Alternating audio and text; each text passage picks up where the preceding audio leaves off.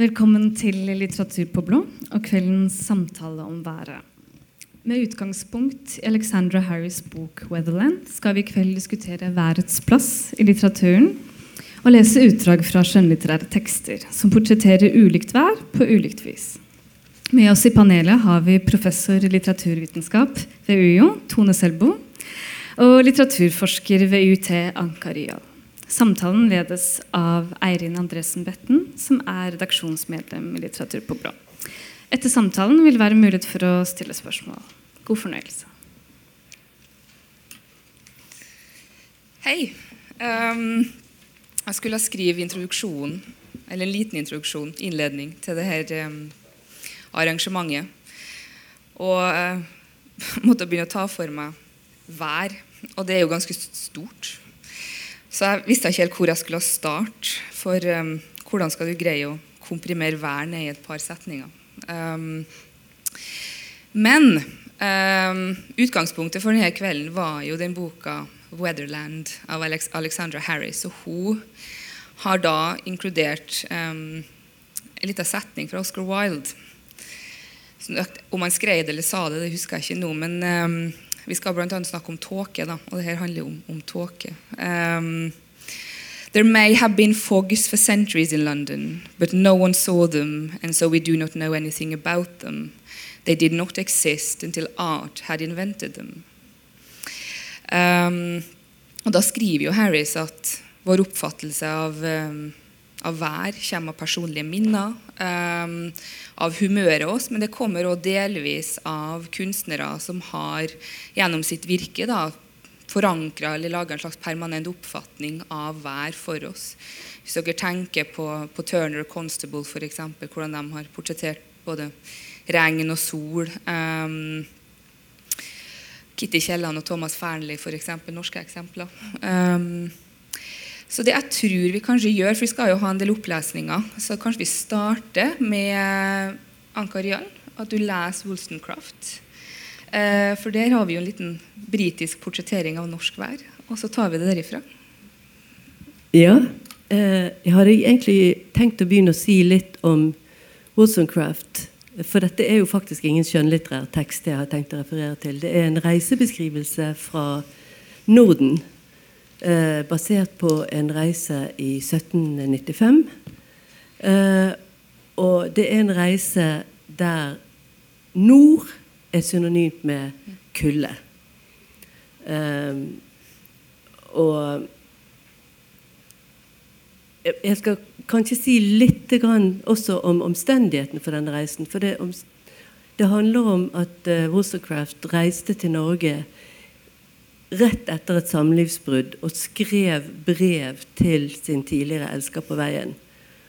Og hun skriver ganske bittert at uh, før hun reiser fra Hull, der båten gikk over Nordsjøen, at uh, hun reiser på nord i jakt på solstråler. Og det er jo som, åpenbart ironi. Uh, det er ikke det hun forventer seg. Hun venter seg kulde, og hun finner kulde. Hun er i Norden fra slutten av juni til midten av september. Og hun opplever ikke kulde, men det er det hun ser likevel. Og det er det som er morsomt med, med denne teksten, og med, med mye sånn skildringer av reiser til ulike strøk. Det du ser i Syden, det er varme. Det du ser i, i Norden, det er kulde. Og nå skal jeg lese litt fra det hun skriver om, om um, en reise fra Sverige, der hun lander, til Norge. Så hun er her ved grensen mellom Norge og Sverige. Skyene fikk sitt farveskjær fra klippene som utfordret dem. Det var som om solen var redd for å skinne. Fuglene sluttet å synge og blomstene å blomstre, men ørnen bygget sitt rede høyt blant klippene, og gribben svevet over det øde tilholdssted. Bondestuene, hvor bare fattigdom hersket, var bygget av stokker som knapt nok kunne holde kulden og det drivende sne ute. Beboerne kikket sjelden ut av dem, og barnas, barns viltre lek og skravling kunne verken ses eller høres. Det var som om livets strøm hadde stivnet ved kilden.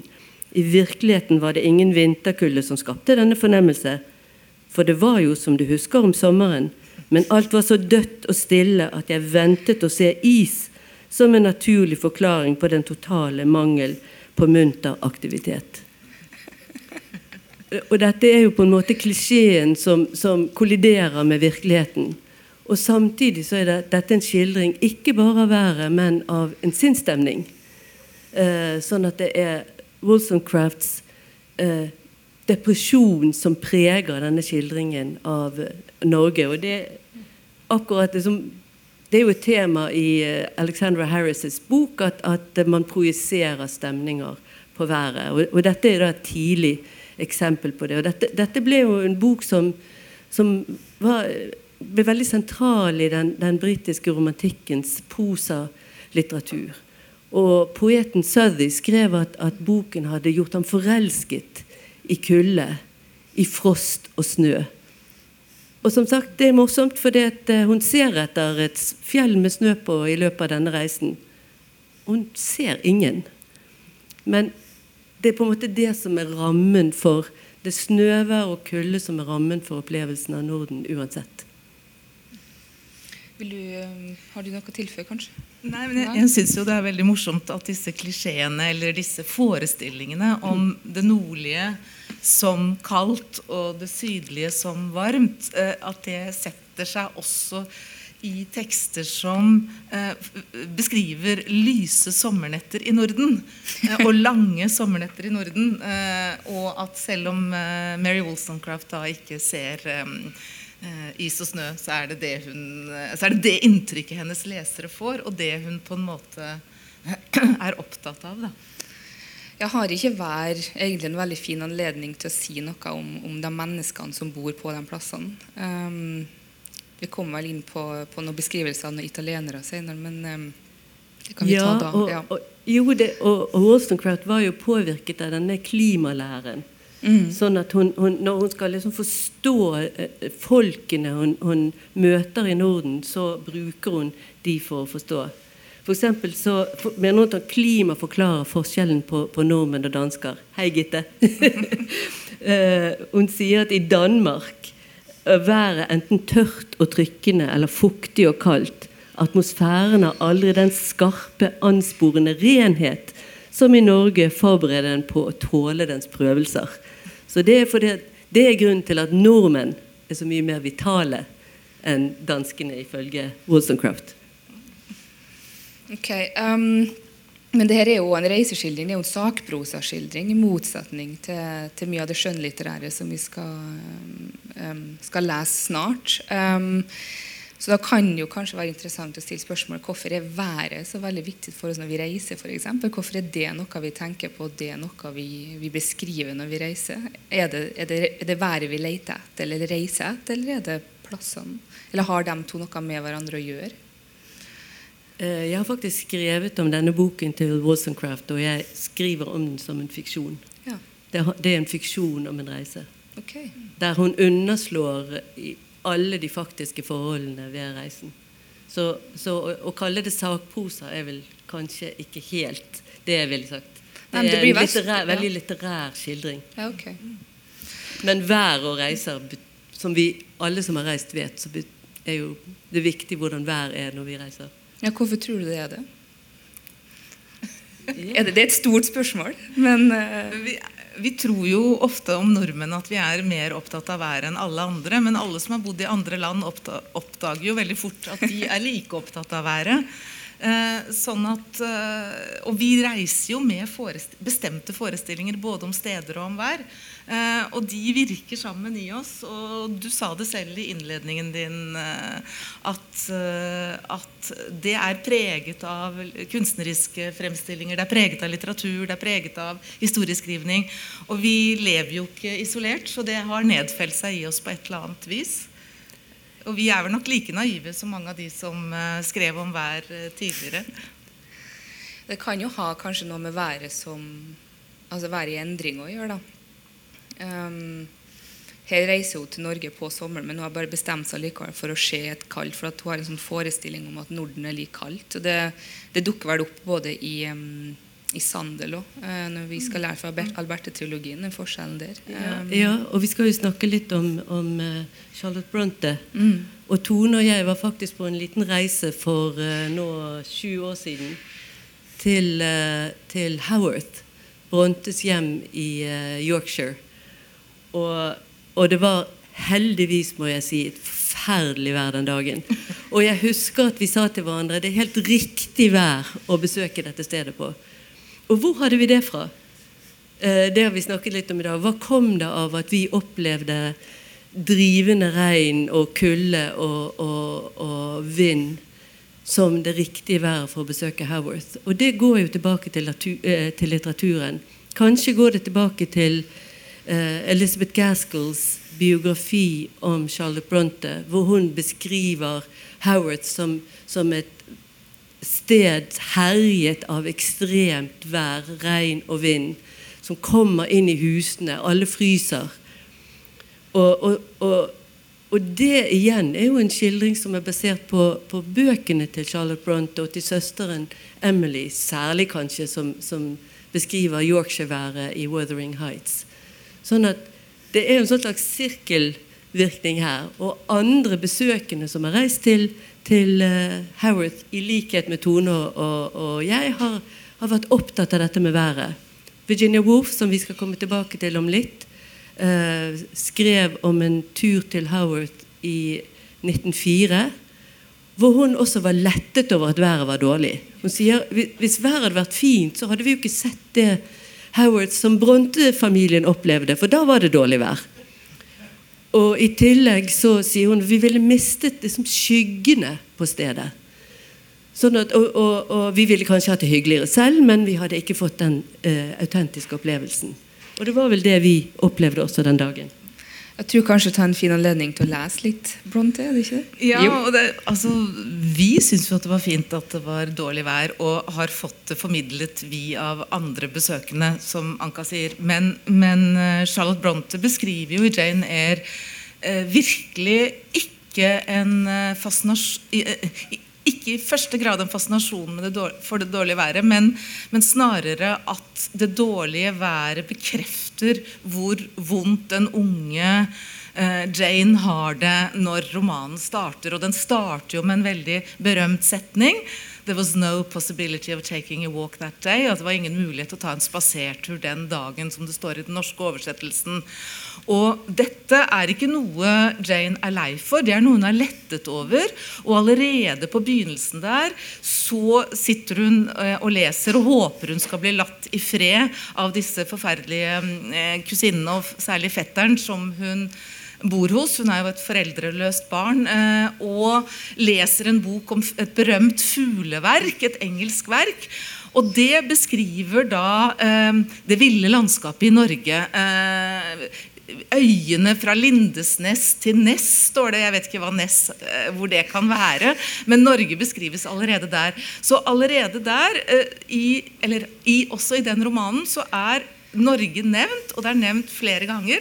Og det er nevnt, eller to ganger, rettere sagt. eh, Og det er nevnt med referanse til isødet. Til eh, kulden.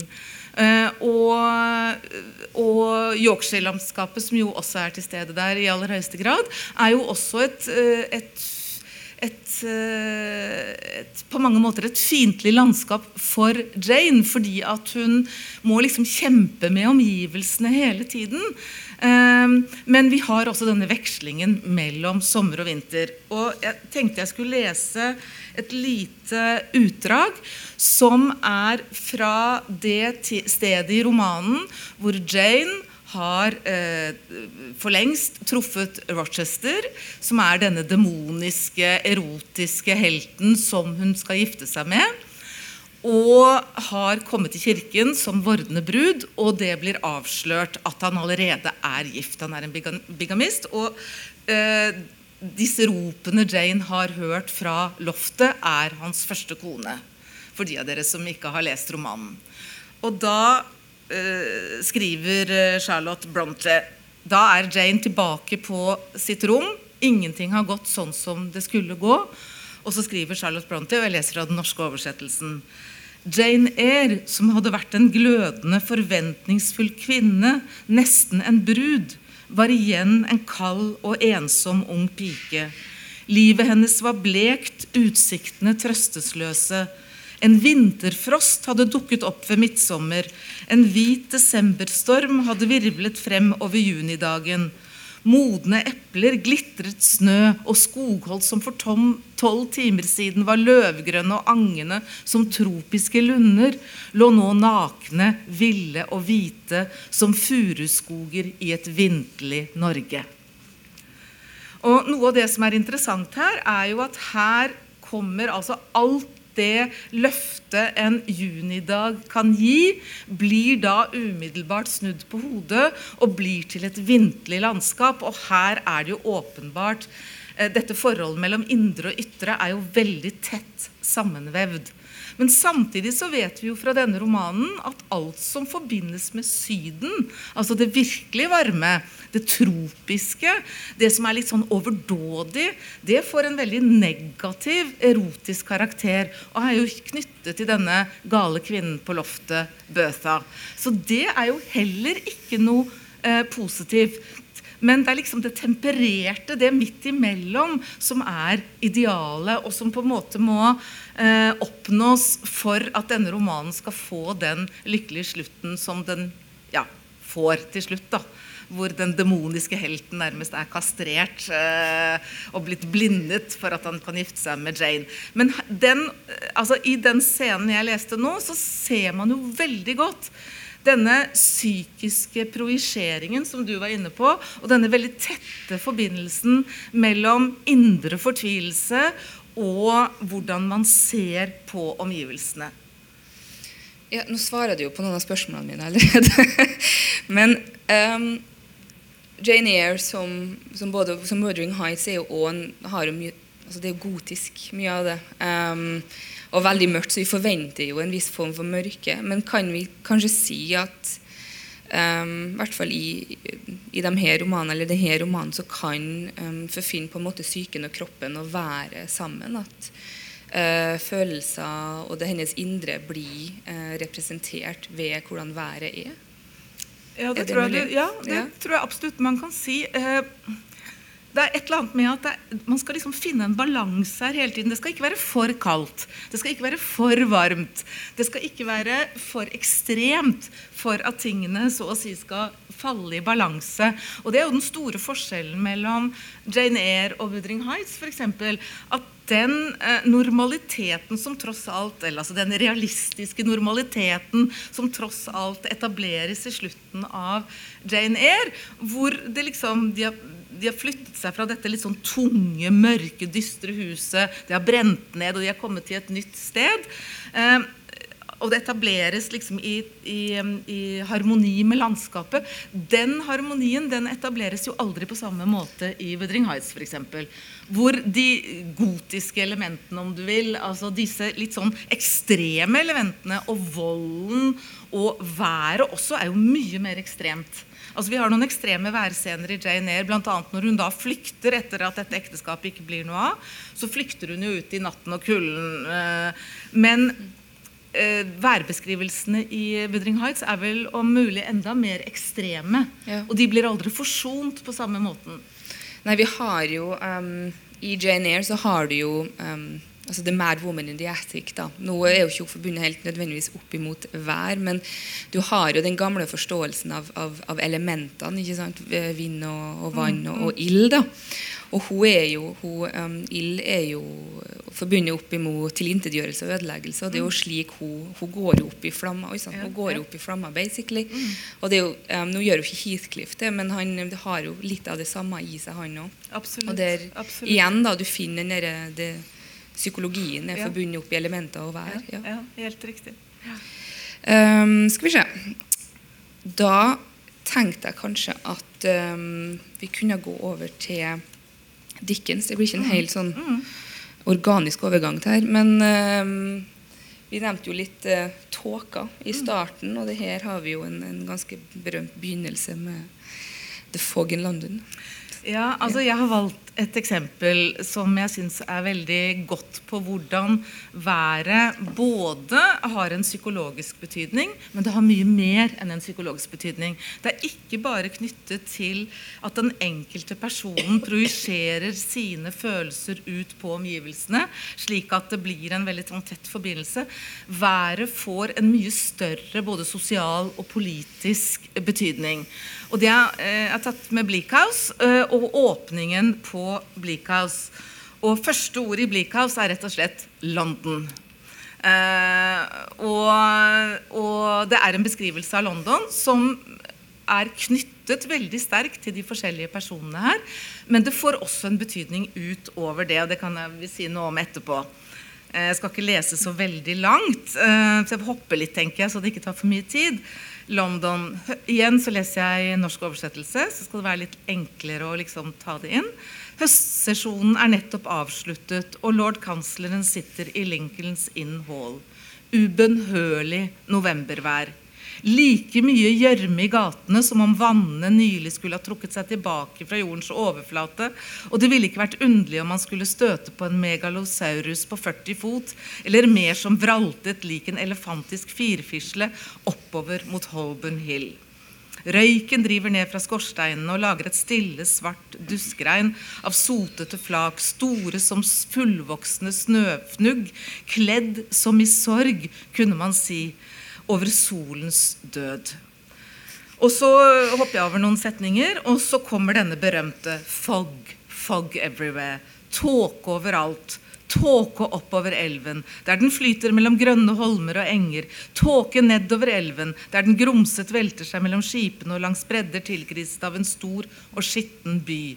Tåke over sumpmarken i Essex, tåke over åsene i Kent. Tåke som smyter seg inn i byssene ved kullbryggene, osv. Og det som er veldig spesielt her, er at denne tåka som etableres på begynnelsen av romanen, den kommer også igjen på slutten av romanen. Og alt som skjer, alle vi møter, skal forstås i lys av denne tåka. Det er sånne mellomtilstander. Eh, Enhver person har en skygge av en fortid som skal forstås, og må, øh, må liksom komme frem i lyset for at det skal skje noen forandring. Og så er det da denne kanselliretten, eh, som er et sånn forferdelig rettssystem hvor ingenting noen gang blir oppklart, og det bare går og går og går og går i en evig grøt. Eh, og Noe av det jeg hadde lyst til å si når det gjaldt akkurat eh, Dickens, er at for det første så er det jo en, en slags tidlig økokritikk. Fordi eh, dette er jo helt reelt, dette vet Anka mer om, om enn meg. At dette har noe om de historiske betingelsene i England og London på denne tiden. Det kan vi komme tilbake til. Men det andre er jo at uh, tåka også slår ut mye hardere og sterkere for de som er utslåtte. Så det er en sånn beskrivelse av slumstrøkene. Uh, Tom All Alones, det er da slumstrøket for denne stakkars lille Joe um, som blir jaget fra det ene gjørmete hølet til det andre. Og det er regnvær hele tiden. Drip, drip, drip går liksom gjennom som sånne slag i romanen. Og der er jo Dickens helt fantastisk, fordi at han tvinger oss på en måte inn i en sånn eh, følelse hvor vi liksom eh, syns veldig synd på eh, lille Joe og alle de som er utstøtte. Men samtidig så nekter han oss identifikasjon. Han sier ja, han er inne i denne her tåkefylte byen, og det går dårlig med han, og han dør til slutt. Men han, minner, han, tar liksom et skritt tilbake, og så sier han eh, jeg, Altså en, eh, mine damer og herrer, eh, kanselliråd, kanserifrue eh, Nå dør han. Han dør da i denne gjørma, i dette tåkefylte høstmørket i november. Og så er det akkurat som fortelleren tar et skritt tilbake og sier And thus they are dying around us every day. Altså det han sier er liksom Ja, du skal følge medlidenhet med ham. Og dette er knyttet til liksom London som sted som, og vær og alt sånn. Men eh, ikke glem at dette skjer i virkeligheten. Dette skjer rundt oss hver eneste dag. Så det er liksom en sånn forestilling som skal følges. Men vi må ikke glemme at dette faktisk foregår. Ja, men kanskje vi kan, vi kan snakke litt om det. altså Bare sette rammeverket her. For det her er jo um, Jeg husker ikke hvilket, akkurat hvilket år den her kom ut. Uh, 1852-53. Ikke sant. Så midt i uh, den industrielle revolusjonen, når den piker virkelig, det er Storbritannia har på det her tidspunktet um, en gjennomsnittlig levealder som er faktisk veldig, veldig lav. Du har òg en um, en urbanisering som begynner så smått å skyte fart på denne tida. Så folk trekkes ut fra bygda og inn mot, um, inn mot London, inn mot Manchester og Birmingham. Um, og vi har jo altså, faktisk altså Marx kom jo ut med disse Marx-tider. Uh, kom jo òg ut med en, uh, en kritikk av av, av, av, forholdet mellom menneske og natur, faktisk i grunnrisset på denne tida. Eh, der han snakker om at eh, den urbaniseringa og den, det som skjer i byene nå um, et, Det oppstår et rift da, mellom mennesket og naturen her. og det, det, kan vi kanskje komme litt tilbake til, til litt senere når vi ser, snakker om, om Orlando. Men um, det her åpenbart skjer jo i, um, i London òg. For hva er årsaken til at they are dying all around us? Det er jo ikke bare nødvendigvis en naturlig endelikt, men at det har en, en uh, ekstern uh, faktor. Da. Og det er forurensning. Ikke sant? Ja, og det, og det er jo forurensning. sant? Alle eh, som leste Dickens for første gang, ville kjenne seg igjen i den beskrivelsen. tenker jeg. Og vi må liksom bare minne oss på at alle fyrte med kull. Og, og, det var et forferdelig klima i London, særlig om vinteren. Sant? Hvor, hvor eh, tåken var blandet med svart, fett kullstøv som kom inn overalt. Og Virginia Woolf har jo noen beskrivelser av sitt eget barndomshjem i, i London fra de siste tiårene av 1800-tallet, hvor interiøret var svart og mørkerødt. Og En av grunnene til at disse interiørene var så mørke, var jo at det skjulte skiten, rett og slett. Og det var det, Skit og, og fuktighet kom inn overalt.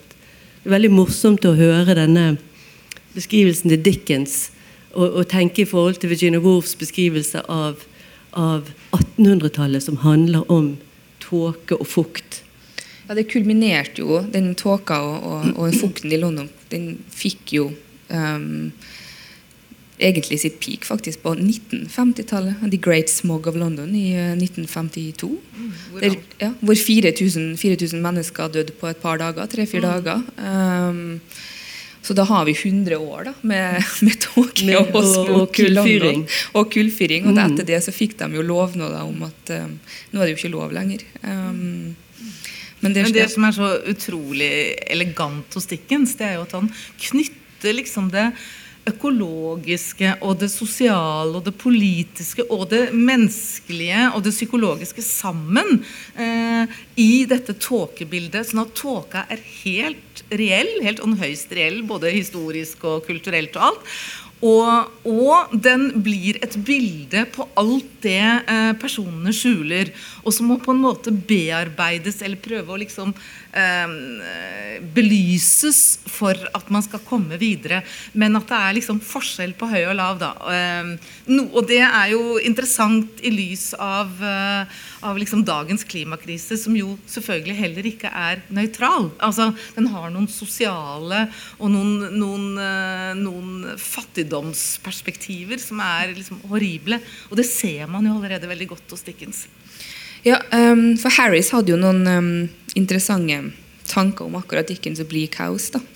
For hun mente at, uh, tåka her um, har noe med, med tid, selve konseptet av tid å gjøre. Da. Altså, du har den derre dripp, dropp. Altså, mm. Men har, det har det samme som TikTok. ikke sant? Det samme går som en klokke, da, men det har ingen ende. Det, du ser ingen ende her, fordi at i tåka, i det her været, så The sun is da, altså Sola dør jo, ikke sant. Um, hva skjer da med dagene, og eventuelt hva vil da skje den dagen den tåka letter, eller den, den smogen som nå er, har lagt seg i gatene pga. menneskelig aktivitet. Hva vil skje den dagen den letter? Hvilken London er det vi da ser?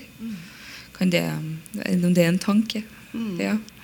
ja. Harry skriver jo om, om Wolf, da, som, som, skriver også om den tåken på 1800-tallet, at hun har større problemer med å skrive, beskrive vær i sin egen tid. Det er jo ikke rart, da. Men, men hun hun prøver jo å følge eh, historien gjennom været i, i, i, Orlando.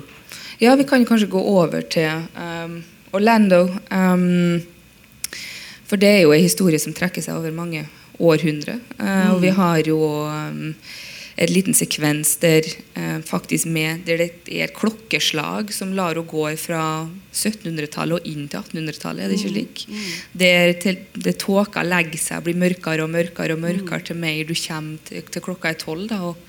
Der er du inne i det 18. århundre, det industrielle århundret, og tåka har lagt seg. Og Det har litt med fukt å gjøre. og da, Det står på et punkt i boka altså Damp swells the wood, first the cattle rust the iron and roots rots the stone. Mm. Så Som i dikken så trekker det seg inn overalt i mm. Wolf òg. Um, så kanskje vi kan lese det lille utdraget fra Orlando. Ja, ja. Uh, det er faktisk uh, litt for langt, tror jeg. Jeg skal lese det i, i Merete Alfsen sin norske oversettelse. Men jeg har lyst til å si først at det er noe som var morsomt for meg med å lese 'Weatherland' av Alexandra Harris, er jo at det, det er på en måte en, en vitenskapelig bok eh, inspirert av Orlando, som følger engelsk litteraturhistorie gjennom været. Og, og, og man kan si at, at, det er noe av det samme Virginia Woolf gjør i denne fantasibiografien, som handler om om et menneske som lever gjennom 350 år, og som starter som mann i renessansen. En, en, ung mann med, med, med kunstner- eller litterære ambisjoner, og som ender som en moderne kvinnelig forfatter i 1928, det året romanen kom ut. Og, og vi følger Orlando gjennom et kjønnsskifte og gjennom århundrene. Uh, og, og, og, tiden og eh, blir eh, Eller menneskenes endring i tiden blir eksemplifisert gjennom været. Så, så det, det kan si at det er Virginia Woolfs versjon av denne klimateorien eh, i romanen. Og, og det mest kjente, eh, den mest kjente beskrivelsen i Orlando er beskrivelsen av 1800-tallet. Og det er jo kanskje ikke så rart, for det var den epoken Virginia Woolf var mest opptatt av. Det var det århundret hun selv vokste opp. Det var det århundret, den, den uh, kulturen hun, hun, opponerte mot i, i, i både sitt liv og sin diktning. Sånn begynner kapittel fem i Orlando. Den store skyen som hang ikke bare over London, men over alle de britiske øyer denne første dagen i det 19. århundre, ble hengende, eller ikke akkurat hengende, for den ble uavlatelig omtumlet av stormvinder, så lenge at den fikk de eiendommeligste følger for den som levde i skyggen av den. Det lot til at det var inntrådt en forandring i det engelske klimaet. Det regnet hyppig, men bare, men bare i brå byger, og ikke, for, ikke før var de over, så begynte de igjen. Solen skinte naturligvis, men den var så omspunnet av skyer og luften så mettet av vann at strålene bleknet og matte, triste nyanser av purpur, oransje og rødt overtok et av de mer distinkte landskapene fra det 18. århundre. Under denne dystre, forslåtte hvelvingen ble kålens grønnfarge mindre intens og hvit snø skitten. Men verre enda var det at fuktigheten nå begynte å sive inn i husene, Fuktighet, som er den lumskeste av alle fiender. For mens solen kan stenges ute av skodder og frosten lunes med et hett bål, sniker fuktigheten seg inn mens vi sover. Fuktighet er stille, umerkelig, allestedsnærværende. Fuktighet trutner tre, flekker kjeler, ruster jern, råtner mur. Så langsomt utvikler dette seg at det først er når vi løfter opp en kommode eller en kullboks og det hele faller fra hverandre mellom hendene på oss, at det demrer for oss at det, er, at det ikke står så bra til. Slik, snikende og umerkelig, uten at noen, noe markerte dag og time da forandringen innstrådte, endret England karakter uten at noen visste om det. Overalt var virkningen merkbar. Og så gir hun noen eksempler på denne virkningen. og Hun går da inn i husene og viser det, hvilken betydning dette klimaskiftet har for måten folk innretter seg. Uh, uh, ingenting blir nakent, ingen møbler er nakne. Man får, får plysj overalt, duker, uh, gardiner, tepper. for å varme i denne fuktigheten. Og samtidig blir hjemmet eh, umåtelig viktig, står det her. Fullstendig, og også fullstendig forandret. Og utenpå huset, det var også et resultat av fuktigheten, vokste eføyen med en frodighet som aldri før. Hus som før hadde nakne murvegger, forsvant helt i alt det grønne. Ingen hage, hvor velordnet den opprinnelig hadde vært, var uten et buskas, et villnis, en labyrint. Det som slapp igjennom av lys i soveværelsene der barn ble født, var naturlig nok grønt og diffust, og det lys som slapp inn i stuene, der de voksne holdt til, måtte gjennom gardiner av brun og mørkere plysj. Men forandringene stanset ikke i det ytre. Fuktigheten slo innover. Folk merket kulden i hjertene, fuktigheten i sinnene, i et desperat forsøk på å tulle følelsene inn i en eller annen form for varme prøvde man det ene knepet etter det andre. Kjærlighet, fødsel og død ble svøpt i en rekke fine fraser. Kjønnene gled lenger og lenger fra hverandre. Åpenhjertige samtaler ble, samtaler ble ikke tolerert. Omgåelser, fortielser ble iherdig praktisert på begge sider. Og mens eføy og eviggrønne planter grodde grassat i den, fruktige, fukt, i den fuktige jorden ute, så en den samme fruktbarheten inne. Den vanlige kvinnes liv bestod av den ene barnefødselen etter den andre. Hun giftet seg som 19-åring og hadde 15 eller 18 barn før hun fulgte 30, for tvillinger kryddet av. Slik kom det britiske imperium til, og slik, for fuktigheten lar seg ikke stanse, den går i blekkhuset like godt som i treverket. Svellet setningen ut, adjektivene yngdet, små dikt ble til svære epos, og, en enspal og enspalters petiter ble nå til encyklopedier på 10-20 bind. Så det, det, er jo en helt fantastisk eh, beskrivelse av en kulturell endring oppsummert gjennom været. dette her. Og Hun skriver senere i dette kapittelet at himmelen er som en dundyne. Og denne dundynen den omfatter liksom både fortielsen, og det omfatter samlivet under dynene, alle de store barnekullene. Men først og fremst kanskje dette at man, man ikke kunne si ting rett ut. At alt måtte pakkes inn. Alt måtte dempes. Ja, Det er jo viktorianerne i et nøtteskall, er det ikke det? Jo, og, og i høy grad det bildet i hvert fall vi har av viktorianerne i dag. Ja, Det er jo en kultur eller hvert Det var jo noe av det Wolf virkelig ville gå vekk fra, altså den viktorianske livsstil. Men det kan vel kanskje um, anta at det ville vært, var noe som var med. Og faren hennes var jo kjent for å skrive de lange bindene. ikke sant? Um, og hun måtte jo ha lært om det været her fra en plass. så... Dickens, kanskje? Dickens, kanskje, ikke sant? Fog, fog everywhere. ja. Men en ting av de første altså da jeg studerte litteratur, var noe av det første vi lærte om modernistene. Um, og det er mulig at jeg, jeg kanskje husker dette feil, men vi lærte at um, det var ofte et uh, Kanskje for å forklare det enkelt for oss, at det var modernistene hadde et problem med det, altså det urbane versus altså, landsbygda. Hvor tilhører vi? Liker vi det egentlig, det urbane? Vil vi trekke oss tilbake til Ehm, til bygda. Hvor tilhører vi hen? Eh, for hva fører det urbane egentlig med seg? Hva gjør det med det moderne mennesket? Og Når du leser, så tenker jeg litt på at kanskje denne fukta som trekker seg inn overalt og har noe med det urbane å gjøre. Det er det diffuse som du aldri kan se eller ta på. Det bare er der. Um, og som skaper det samfunnet du bor i, uten at du egentlig kan bestemme hvilke krefter det er. Og her er det da personifisert på en måte i form av fukt. Ja. Mm. ja det er klimaet som, som, eh, som eh, legger sånn, seg som en trykkende, klam hånd over diskurs og samliv og kultur på 1800-tallet, ifølge Virginia Woolf. Og som hun hele livet hadde i seg, men selvsagt også opponerte mot. Og, og hvor, hvor, hun var opptatt av å, å tydelighet og, og, beundret jo i høy grad disse eh, 1700-tallsforfatterne. I likhet med Orlando, som, som, som får en frihet på 1700-tallet som hun mister på 1800-tallet. Det som skjer med Orlando når hun skal skrive på Da har hun blitt kvinne.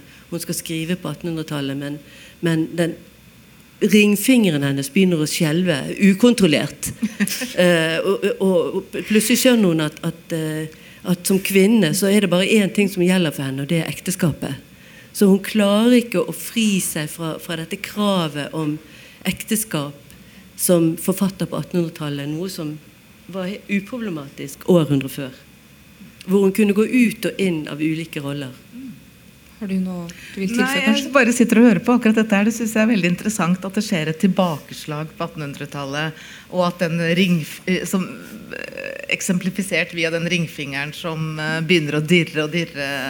Men også at fukten blir verre og verre.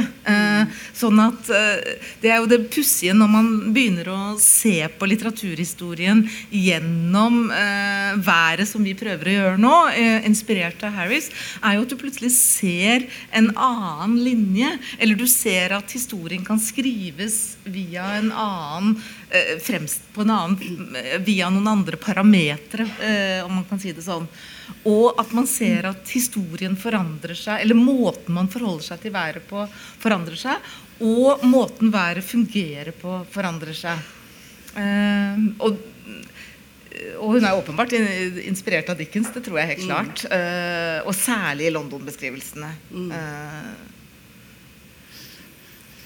Ja, for vi har jo um, skal jo lese Foster, og han er jo en, en, um, en annen modernist, men kanskje ikke like moderne i, uh, i tonen som, som Wolf. Han er jo en uh, Skal vi videre til han nå? ja, eh, vi, Hvis vi skal bli ferdige, så tror jeg vi må, Ja. må tusle videre. Um, han, eh, for Du skal jo lese et lite utdrag fra A Room With A View, så da, har vi jo, da er vi tilbake kanskje litt på reiselitteraturen og beveget oss er til Italia.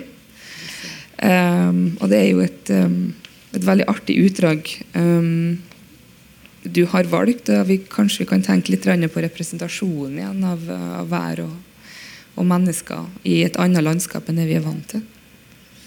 Ja, og, og den A Room With A View, som kanskje mange har lest og iallfall sett filmen, det handler jo om Eller det innledes med en gruppe engelske turister rundt århundreskiftet 1800-1900 som er på tur til Firenze, og som skal oppleve Syden, varmen i Italia og, og den kulturen, først og fremst. De, de er seriøse turister, disse her. De går rundt med guidebøker og besøker alle de riktige monumentene og kirkene. Eh, men det er også en skildring der som, som eh, eh, om, om været, som den italienske luften og solen og, og, og, luften som, som eh, glir inn i munnen som vin, står det et sted. Og det minner om Virginia Woolf som skrev om sine vandringer i London på ettermiddagen, og, og sier at det beste tidspunkt på vandring er ettermiddagen når luften er som champagne. Sånn at det er, det er liksom Godværet dominerer da, eh, denne eh, beskrivelsen. Og, og Fosses oppfatning, tenker jeg, av Italia. En sensuell varme som disse britene har litt for, eh, problemer med å forholde seg til. Det er en eldre eh, hovedperson heter Lucy Honeychurch, og det er egentlig hennes seksuelle oppvåkning romanen handler om. Men hun har med seg en chaperone på turen, og det er hennes eldre kusine Charlotte. Og Charlotte føler seg ukomfortabel med den italienske varmen, men, men går gjerne ut på tur i plaskende regnvær og kommer tilbake med ødelagt skjørt og en søkkvåt guidebok.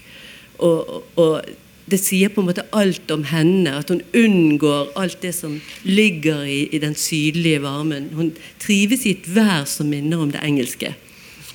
Men det jeg skal lese, det er en episode etter at dette reise, engelske reiseselskapet har vært på en tur opp til en liten by ovenfor Firenze som heter Fiesole. Og på veien tilbake så kommer de ut for et regnvær. Men på denne turen så blir Lucy overraskende kysset av en ung mann som er forelsket i henne. Og dette blir observert av kusinen. Og for Lucy, det er hennes første virkelige kyss, og for, for Lucy så er det overveldende. Og hun har problemer med å forholde seg til det, men, men leserne skjønner at dette er et uh, vendepunkt. Plutselig har, hun, plutselig har hun blitt voksen, plutselig så skjønner hun noe hun ikke har skjønt før. Uh, og, det blir ikke sagt mer om dette kysset, men så setter de seg i vognene, og de skal reise ned fra dette høydedraget, og der braker det løs. Regnet og mørket kom samtidig. De to damene, det er altså Lucy og kusinen, klynget seg til hverandre under en utilstrekkelig paraply. Det lynte, og Miss Lavish, en av de andre engelske damene, som var nervøs, skrek fra vognen foran. Da det lynte igjen, skrek Lucy også. Mr. Eager, som var prest, snakket messende til henne. Fatt mot, Miss Honeychurch, mot og tro. Om jeg får si det, er det noe nesten blasfemisk i denne redselen for elementene. Skal vi for alvor anta at disse skyene, hele denne enorme elektriske utfoldelsen, er fremkalt bare for å utslette dem og meg? Nei, selvfølgelig, sier Lucy. Selv fra et vitenskapelig synspunkt er det store sjanser for at vi ikke blir truffet. Og i hvert fall er vi uendelig mye tryggere enn om vi gikk til fots. Fatt mot, mot og tro. Og det som er interessant her, er jo at, at uh, Eager uh, bruker uh, en bibelsk allusjon for å berolige Lucy. Samtidig så, så, får, så, får, han sagt noe om at dette været kan oppleves som en slags syndflod. Men, men, det som har løsnet i Lucy, det er noe helt annet. Og, og, og været for henne altså Det løsner tungen hennes, følelsen hennes. Hun, hun gjennomgår en forvandling på denne turen som får uttrykk i dette forferdelige tordenværet. Sånn at været her blir, får veldig mange betydninger. Vil du Nei, Nei jeg bare hører på dette, og jeg syns det er veldig interessant at du får dette som så ofte skjer når man kommer til sydlige land. At du får disse plutselige regnskyllene. Eh, som er et helt annet vær enn det er i England. Og samtidig så er det, er det jo når hun kommer dit, at hun, forlø eller at hun liksom vekkes erotisk. da, hun, eller eh, Som du var inne på, altså hun skjønner det ikke selv, men leseren skjønner at det skjer noe med henne som været skal bidra til å belyse. Eh, nemlig at hun eh, liksom blir voksen da, i en eller annen forstand. Mm. Og hun skjønner det ikke selv før helt til slutten av romanen, så man skal lese mye og gjennom en, en mislykket forlovelse før hun skjønner eh, eh, konsekvensene av den opplevelsen på, i Fiesole. Og så er det jo en sånt eksempel på at uh, denne scenen at er et sånt slags sånt innbrudd i det der litt sånn jevne forløpet. Så kommer regnskyllet som et slags sånn brudd som liksom uh, uh, gjør at det skjer noen endringer. Forster gjør jo ofte det i alle sine romaner. Um, han bruker elementene til å forklare slike skift. og um, A Passage to India, eksempel, så har du den ekkolyden i hulene ikke sant, som uh, um, ikke korresponderer med den ekkolyden britene forventer å få i hule, men det er et annet type ekko. Et indisk ekko. uh, og her har du da um, igjen da, et, et, et regnskyll som kommer på en egentlig ganske glassklar dag. Uh, og igjen forbundet opp imot Lucy sin endring. Uh, det samme har vi i Maurice, f.eks. Regn kan bli en slags renselsesprosess. Um, så her er vi kanskje tilbake til der vær korresponderer litt med Kanskje ikke en forlengelse av, av psyken, slik i Jane Eyre, men der uh, vi bruker elementene og hver til um, forløsning. Kanskje, ja. Ja, jeg tror Foster bruker været for å gjøre leseren oppmerksom på hva som skjer med Lucy, selv om hun ikke skjønner det selv. Så Han går på en måte ikke inn i henne der, men han beskriver det været, og vi sitter igjen med den innsikten om at her har det skjedd noe som kommer til å forandre hele livet hennes. Og hun bruker som sagt resten av romanen på å prøve å motsette seg denne innsikten. Ja, for Både Charlotte og Lucy er jo viktorianere, så de ligger vel under en ganske tjukk dyne, dyne. Dem, ja. Det er mye, mye tåke ute og går. Ja, Lucy er veldig ung ja. og uerfaren. Charlotte er jo ikke det. Hun er jo veldig klar over hva som foregår, men hun vil vel ikke ha noe, noe med det å gjøre. Er det ikke slik? Mm. Ja. Uh, skal vi se Noen andre vi har vil du tilføye noe? Kanskje? Nei, jeg bare Nei. at tiden går. Ja, det er akkurat det. det. Um, ja, det er faktisk jeg som skal lese det. um, fra Wolf igjen. Um, og da blir det litt annet et litt annen type Da blir det en engelsk, et lite engelsk utdrag, faktisk. For jeg har den ikke på norsk. Men her òg er det jo altså For dere som har lest The Waves, altså bølgene, det er vel oversatt til på norsk, regner jeg med. Um, så har de jo sånne mellomkapitler der um, hun beskriver egentlig bølger som trekker seg opp på stranda og trekker seg tilbake ut i, ut i havet.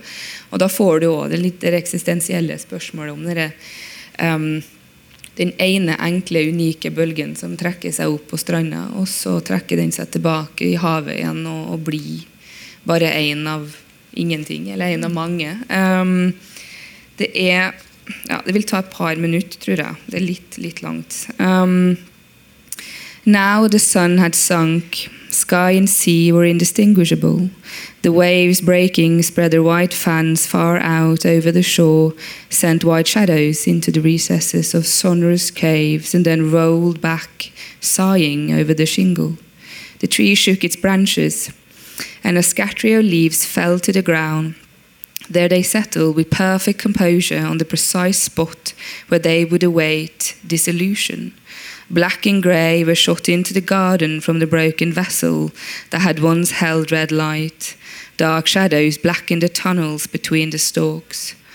The thrush was silent, and the worm sucked itself back into its narrow hole. Now and again, a whitened and hollow straw was blown from an old nest and fell into the dark grasses among the rotten apples. The light had faded from the tool house wall, and the adder's skin hung from the nail empty. All the colours in the room had overflown the banks. The precise brushstroke was swollen and lopsided. Cupboards and chairs melted their brown masses into one huge obscurity. The height from floor to ceiling was hung with vast curtains of shaking darkness. The looking glass was pale as the mouth of a cave, shadowed by hanging creepers. The substance had gone from the solidity of the hills.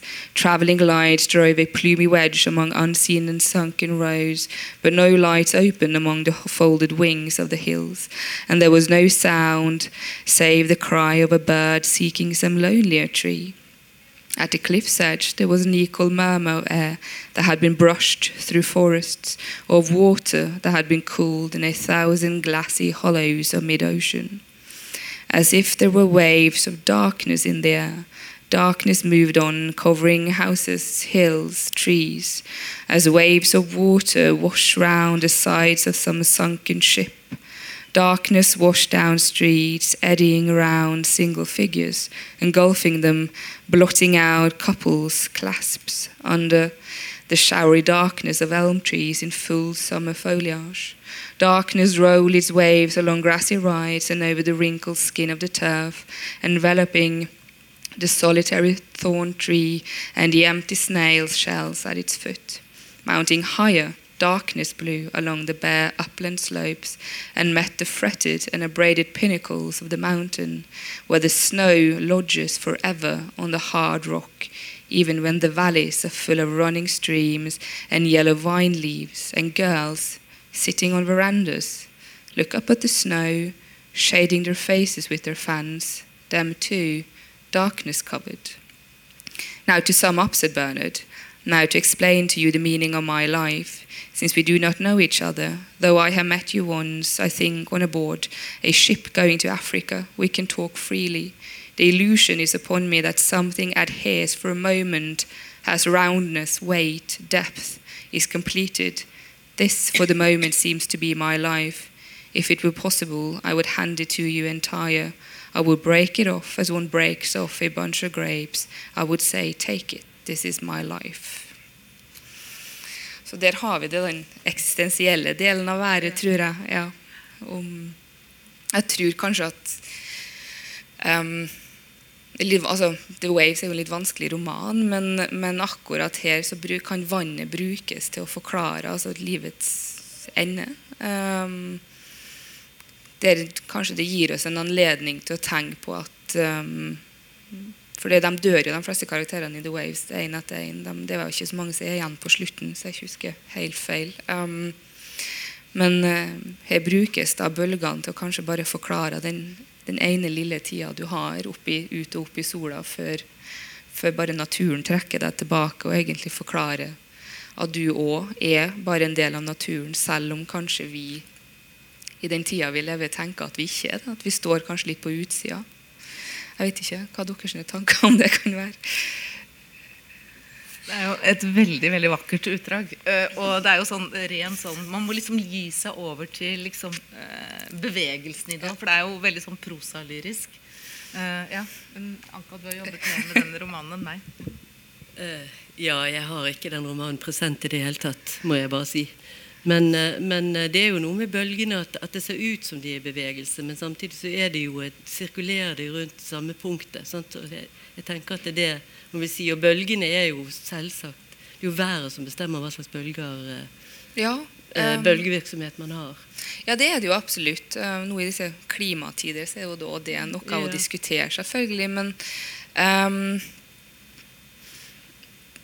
jeg tenker jo kanskje at, det, at her så kan um, bølgene som en konsekvens av vær og vindsykluser og klima og flo og fjære at Um, at det gir um, kanskje altså oss mennesker en anledning til å um, kanskje være mer delaktig i naturen. Hvis du ser det fra det modernistiske perspektivet, det vi har, det der bruddet mellom menneske og natur. at det her kan altså Det er ikke nødvendigvis vår syke, men vår eksistens som forlenges i været, og at været òg har sine sykluser på en måte slik som vi kommer og går. og at Vi er syklisk, vi òg. Mm. Ja. ja, og Det synes jeg er veldig fint sagt, fordi at her er det jo forskjellige monologer og forskjellige stemmer som som så å si prøver å liksom komme med sin erfaring. Men de må jo på en måte innse at de er innfelt i et kretsløp som er større enn dem selv. Sånn at det er på en måte et argument, sånn som jeg husker The Waves, det er lenge siden jeg har lest den også nå, om at det er, det er ikke sånn at den enkelte stemmen kan trenge gjennom og så å si dominere, men det er noe som på en måte er gitt, eh, og som bestemmer noe av rytmen her. Og du leste jo på slutten der fra Bernhards monolog, ja. eh, monolog eh, som er jo veldig sterk i så henseende. Ikke sant? Ja, ikke sant? Og spesielt hvis du kobler det opp imot akkurat det naturen har å tilby her. Da. Så det, This is my life. Og det um, og mulig at det kan hende at vi rett og slett møter oss sjøl uh, som mennesker i møte med naturen òg. At det er um, at det er òg da vi får virkelig oppleve hva det vil si å være menneskelig da, i møte med elementene. Um, og kanskje føle på vår egen skjørhet, selv om vi tenker at vi er overmennesker, slik som vi holder på nå i, i uh, altså med transhumanisme, f.eks., hvis vi skal virkelig begynne å trekke lange tråder. Mm. Men, men, vi oppfører oss jo eller slik vi holder på med hvordan vi skal nå begynne å redde klimaet, f.eks. Vi skal jo bekjempe kjemi med kjemi. Vi skal um, det skal sprøytes ut mer kjemi å, som skal jobbe opp imot det som allerede havna ut i atmosfæren. Og havet skal, skal gjæres osv. med, med annen kjemi. Vi leker Gud, da, men uh, uansett hvor mye transhumanismer for eksempel, innbiller seg at de skal fryses ned og, leve, og, og, og våknes til liv igjen. Om noen hundre år så har de sin tid på denne jorda på samme måten som bølgene har sin tid på stranda, for de bare trekkes tilbake jo noe som, det, som er interessant med, med, The Waves, er jo at disse Du leste jo fra, det, fra et av disse her eh, interludes mm, mm. Som, som, skildrer eh, bølgene og naturens bevegelse gjennom et døgn. Og det er helt avskåret fra disse karakterene, eller mer eller mindre. De dukker mm. så vidt opp der. Men deres liv eh, foregår uavhengig av denne naturen. Det er, jo, det er, jo, noe der det, som jeg ble minnet på da du snakket om at vi tror at vi kan påvirke naturen på godt og vondt, men naturen eksisterer jo i veldig høy grad mm. uten vår påvirkning. Ja. Og det er noe av det romanen handler om. er jo det. det den er større enn en oss, og den, den, beveger seg i sirkler, og den beveger seg fremover, og det vi gjør, har egentlig veldig liten betydning for, for naturen, ifølge den romanen. Ifølge den romanen, ja. um, vi må kikke litt på tida, men jeg tenker kanskje vi kan bare gå over til, til Sandel. Du har um... ja, Nå er vi liksom litt tilbake til en annen type litteratur, men ja. Cora Sandel, som jeg tenkte jeg skulle måtte ha med et norsk eksempel også når vi snakker om vær og er i Norge. Og Virginia Woolf er jo et veldig godt eksempel på en stor stilist som bruker vær og endringer også sånn rent stilistisk for å skape skift mellom mennesker. og hvis, altså, The Waves er jo en ekstrem roman, altså i positiv forstand i hennes fatskap, Men vi ser det jo mange andre steder også, i To the Lighthouse f.eks. Mm. Eller The Voyage Out, byromanen hennes, er jo også være ekstremt viktig. Så det er en sånn linje der som, som, bekrefter akkurat det du sa. At det er noe som er, liksom eksisterer uavhengig av det enkelte mennesket. Men som ofte skaper et sånn skisma da, mellom enkeltmenneske og omgivelse. Og Jeg har tatt med to eksempler. Det ene, og det handler om varme og kulde, så vi er litt tilbake igjen der. Eh, og Det er, første er fra Alberta Jacob. Eh, og det handler om lengselen etter varme, men også at det er noen sånne krefter der som er veldig bestemmende for hvordan hun skal liksom klare seg i verden. Og da er Alberte ung. Hun bor i en nordnorsk by, eh, Tromsø kanskje, et slags fiksjonalisert Tromsø. Og det er nordlys, og det er stjernevrimmel, og det er mest snetykke, som det står. Uh, og det er det som avrunder og demper all lyd. Uh, og, og, så er det denne lengselen etter varme. Og, når, og jeg skal lese litt fra Alberte og Jakob og litt fra Alberte og Friheten.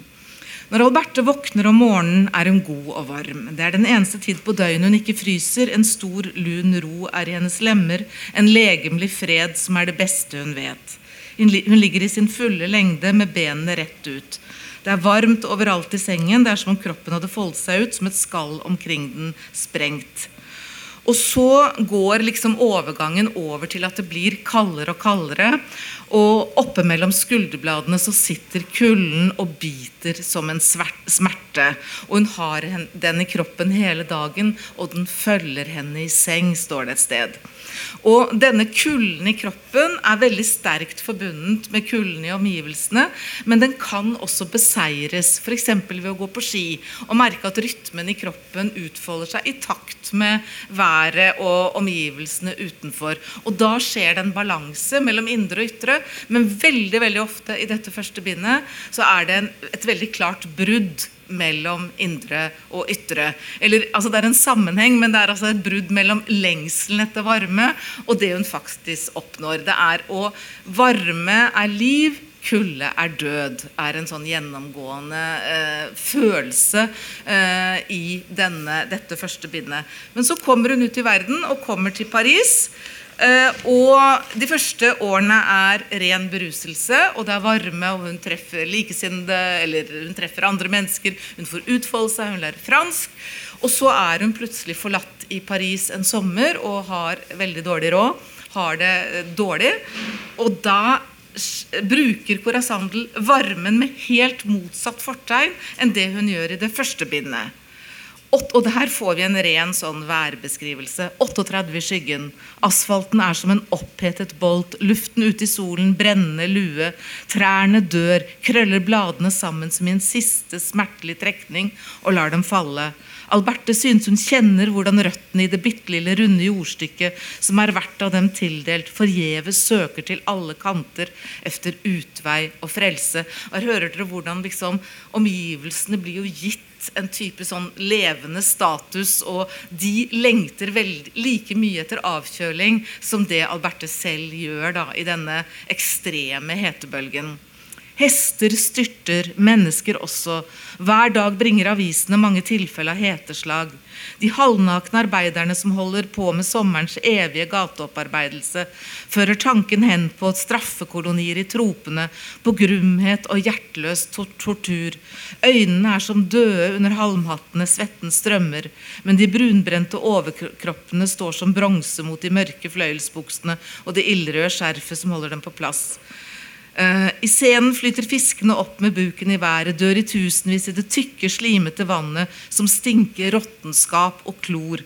Når Alberte om aften på sin omnibustur med kroppen presset opp mot det svake, knapt merkbare luftdrag som oppstår av farten, passerer broene, ser hun dem, hører passasjerene tale sammen, og muligheten for epidemier. De kan oppstå av mindre.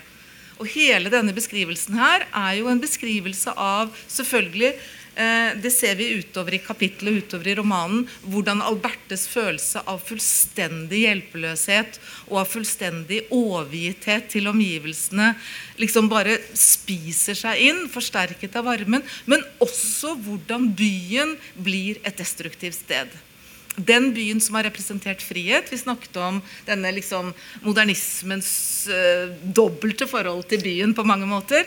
Den har vært en åpning, den har vært en frihet. Romanen heter 'Alberte og friheten'. Og så slår det kontra og får en veldig destruktiv uh, funksjon her. Og vi ser jo også her en beskrivelse av vær, klima, omgivelser som peker hen på menneskelig ødeleggelse. Uh, og, at, uh, og, som også da langsomt ødelegger Alberte i denne situasjonen. Så Jeg synes det var et jeg har ikke lest det sånn før, før jeg tenkte på det i dette perspektivet. Og hvor jeg plutselig så at det Sandel gjør, er jo ikke bare å projisere Albertes følelser over på omgivelsene, som er en, et veldig viktig og sterkt element i, i, trilogien, og ikke minst i dette bindet, men at hun her altså gir en lar by byen få et selvstendig liv. La byen bli en levende organisme som også holder på å ødelegge seg selv pga. menneskelig ødeleggelse. Det er avfall, det er klor. Det er, det er en grunn til at, at, det går som det går. Så, ja. Vil du hvis ikke har jeg en overgang nemlig til noe, til ja, noe Nei, det, det, er jo veldig morsomt å se disse to eh, episodene sammen. sant? Jeg tenker at Paris er jo et atskillig verre for Alberte enn Tromsø, tross alt. Ja, både og. Fordi at hun kan gå seg varm, men hun klarer jo ikke å avkjøle seg i, i, i Paris. Mm. Og det begynner å stinke. Her er det også noe som er del av værbeskrivelser som vi ikke har snakket om, og som vi ikke rekker å snakke om nå, men som dreier seg om lukter. Mm. Og dunster som først er sånn mimosa, vår, alt som åpner seg, og så blir det råttent og så begynner det å stinke. Og så blir alt helt stille. Det er ikke et vindpust igjen. Det, er jo litt interessant at du nevner det med menneskelig ødeleggelse, for hun er vel i Paris på 1920-tallet? Mm. ikke det? Ja. Um, og vi allerede ser det da, og det kan vi altså Vi skal bare trekke en lang uh, ja, altså jeg bare ja, ja. litt, for Corassandel er i Paris på 1920-tallet, men dette er før første verdenskrig i Albert og friheten. Ja, okay. dette, er før, dette, er før, rett før første verdenskrig. Så det er en forskyvning i tid mellom eh, det hun skriver om, og det hun selv opplever. Men det er jo sterke innslag av selvbiografi her. Og så kommer verdenskrigen, som jo er ødeleggelsen eh, på en annen måte. Eh, men det er en annen historie. Jo, men vi, vi har jo um, det britiske imperiet. altså det her er jo Før første verdenskrig det er jo sto, altså imperiets makt, det europeiske imperiet, er jo på sin høyde på den tida her. Um, og Det førte jo til en ekstrem urbanisering gjennom hele Europa. og så Det er jo ikke rart at vi da begynner å se menneskelig påvirkning på altså den urbane naturen òg. Uh, men da kan vi jo, hvis vi bare skal nå ta et 100 år langt hopp da, til, fram til i dag um, og hvordan eh, naturen oppfører seg i dagens litteratur. Det, det, det blir et veldig, veldig vidt begrep her. Da. Men vi har jo det som nå oppstår, som er klimalitteraturen, bl.a. Eh, eh, Maja Lunde sine bøker. Um, og uh, Carl Frode Tiller kom vel ut med begyn Nei, hva var det? Begynnelser. Var det begynnelsen den het? Ja. Og så hadde du den veldig fine fra, fra Argentina, hos Samantha Svebling, som kom ut med ei um, Hun tar for seg menneskelig, den, den kjemiske ødeleggelsen av naturen. Uh, hvordan Monsantos Roundup f.eks. ødelegger alle markene. Og igjen trekke seg inn i kroppen til mennesker og faktisk ødelegger kroppene oss. Da. Så her har vi da det sykliske igjen. ikke sant? Vår egen skapelse er jo vår egen ødeleggelse.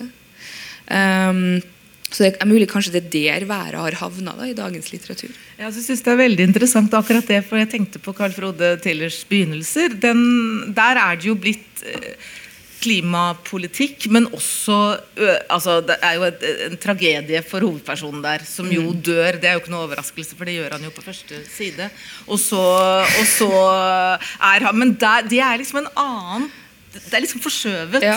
til klimaproblematikk og til personlig tragedie. Ja, du skulle si noe annet. Nei, jeg skulle bare si at Det er jo et uh, nytt begrep innenfor populærlitteraturen, cly fiction, som nettopp handler om, om klimalitteratur. Mm. Og jeg kjenner ikke så godt til det, men mye av det handler jo om Arktis. Og, og, og smelting av is og, og, de store forandringene som påvirker hele kloden. Jo, men hvis vi tenker på slik som vi har da behandla litteratur nå den siste timen, der det er faktisk naturen, altså det er tåka og det er fuktigheten og det er bølgene og Det var da forfatterne sine forhold til naturen, og vårt sitt forhold til naturen er en natur i forandring, og det er slik vi da kanskje må skrive om den og forholde oss til den. At den ikke lenger er um, en forlengelse av, av psyken eller det, um, det, indre eksistensielle spørsmålet, men faktisk er en forlengelse av det samfunnseksistensielle spørsmålet. At det er kanskje slik vi nå ser på det. Det kan godt hende, jeg, men jeg tror det er vanskelig å liksom sette det på ja. ett begrep. Og, og, jeg så jo at du i den beskrivelsen som lå ute på nettet, hadde liksom sagt du sier noe om samtidslitteratur også. Vi, for vi, vi tenkte liksom vi skulle gi noen sånne ja. historiske perspektiver her. Men da slo det meg Jeg kan nesten ikke forestille meg noe ny norsk litteratur for eksempel, som ikke på et eller annet vis har med vær. Og jeg tenkte bare sånn helt avslutningsvis at ja. jeg skulle bare peke på én roman som jeg tenkte på hvor det er veldig mye vær. Eller, og det er Rune Christiansens 'Fanny og mysteriet i den sørgende skogen', hans siste roman. Der er det veldig mye vær, og det er helt klart en forbindelse mellom hovedperson og vær. Altså, dette er jo en hovedperson som har blitt foreldreløs, og som skal prøve å liksom finne en eller annen sånn orientering i en verden som er blitt annerledes. Og det er uh, veldig dramatiske sånne værepisoder. Men noe av det som jeg syns var veldig interessant der når det gjaldt vær, og jeg har aldri tenkt på den romanen i dette perspektivet før, men det er rett og slett at været også består altså Det har en helt klar sammenheng med hovedpersonen og måten hun handler på, og hvem hun møter og sånn. Men det har også en nesten sånn egenverdi i form av at været blir noe mystisk. Det blir noe ugjennomtrengelig. Det blir noe som eksisterer helt sånn eh, Det blir en slags for en egenverdi som ikke nødvendigvis er destruktiv i sånn klimaperspektiv. Det er ikke det som er dominerende her. Men du får, det tar opp igjen noe, noen av de elementene som vi ser bl.a. i 1800-tallslitteraturen.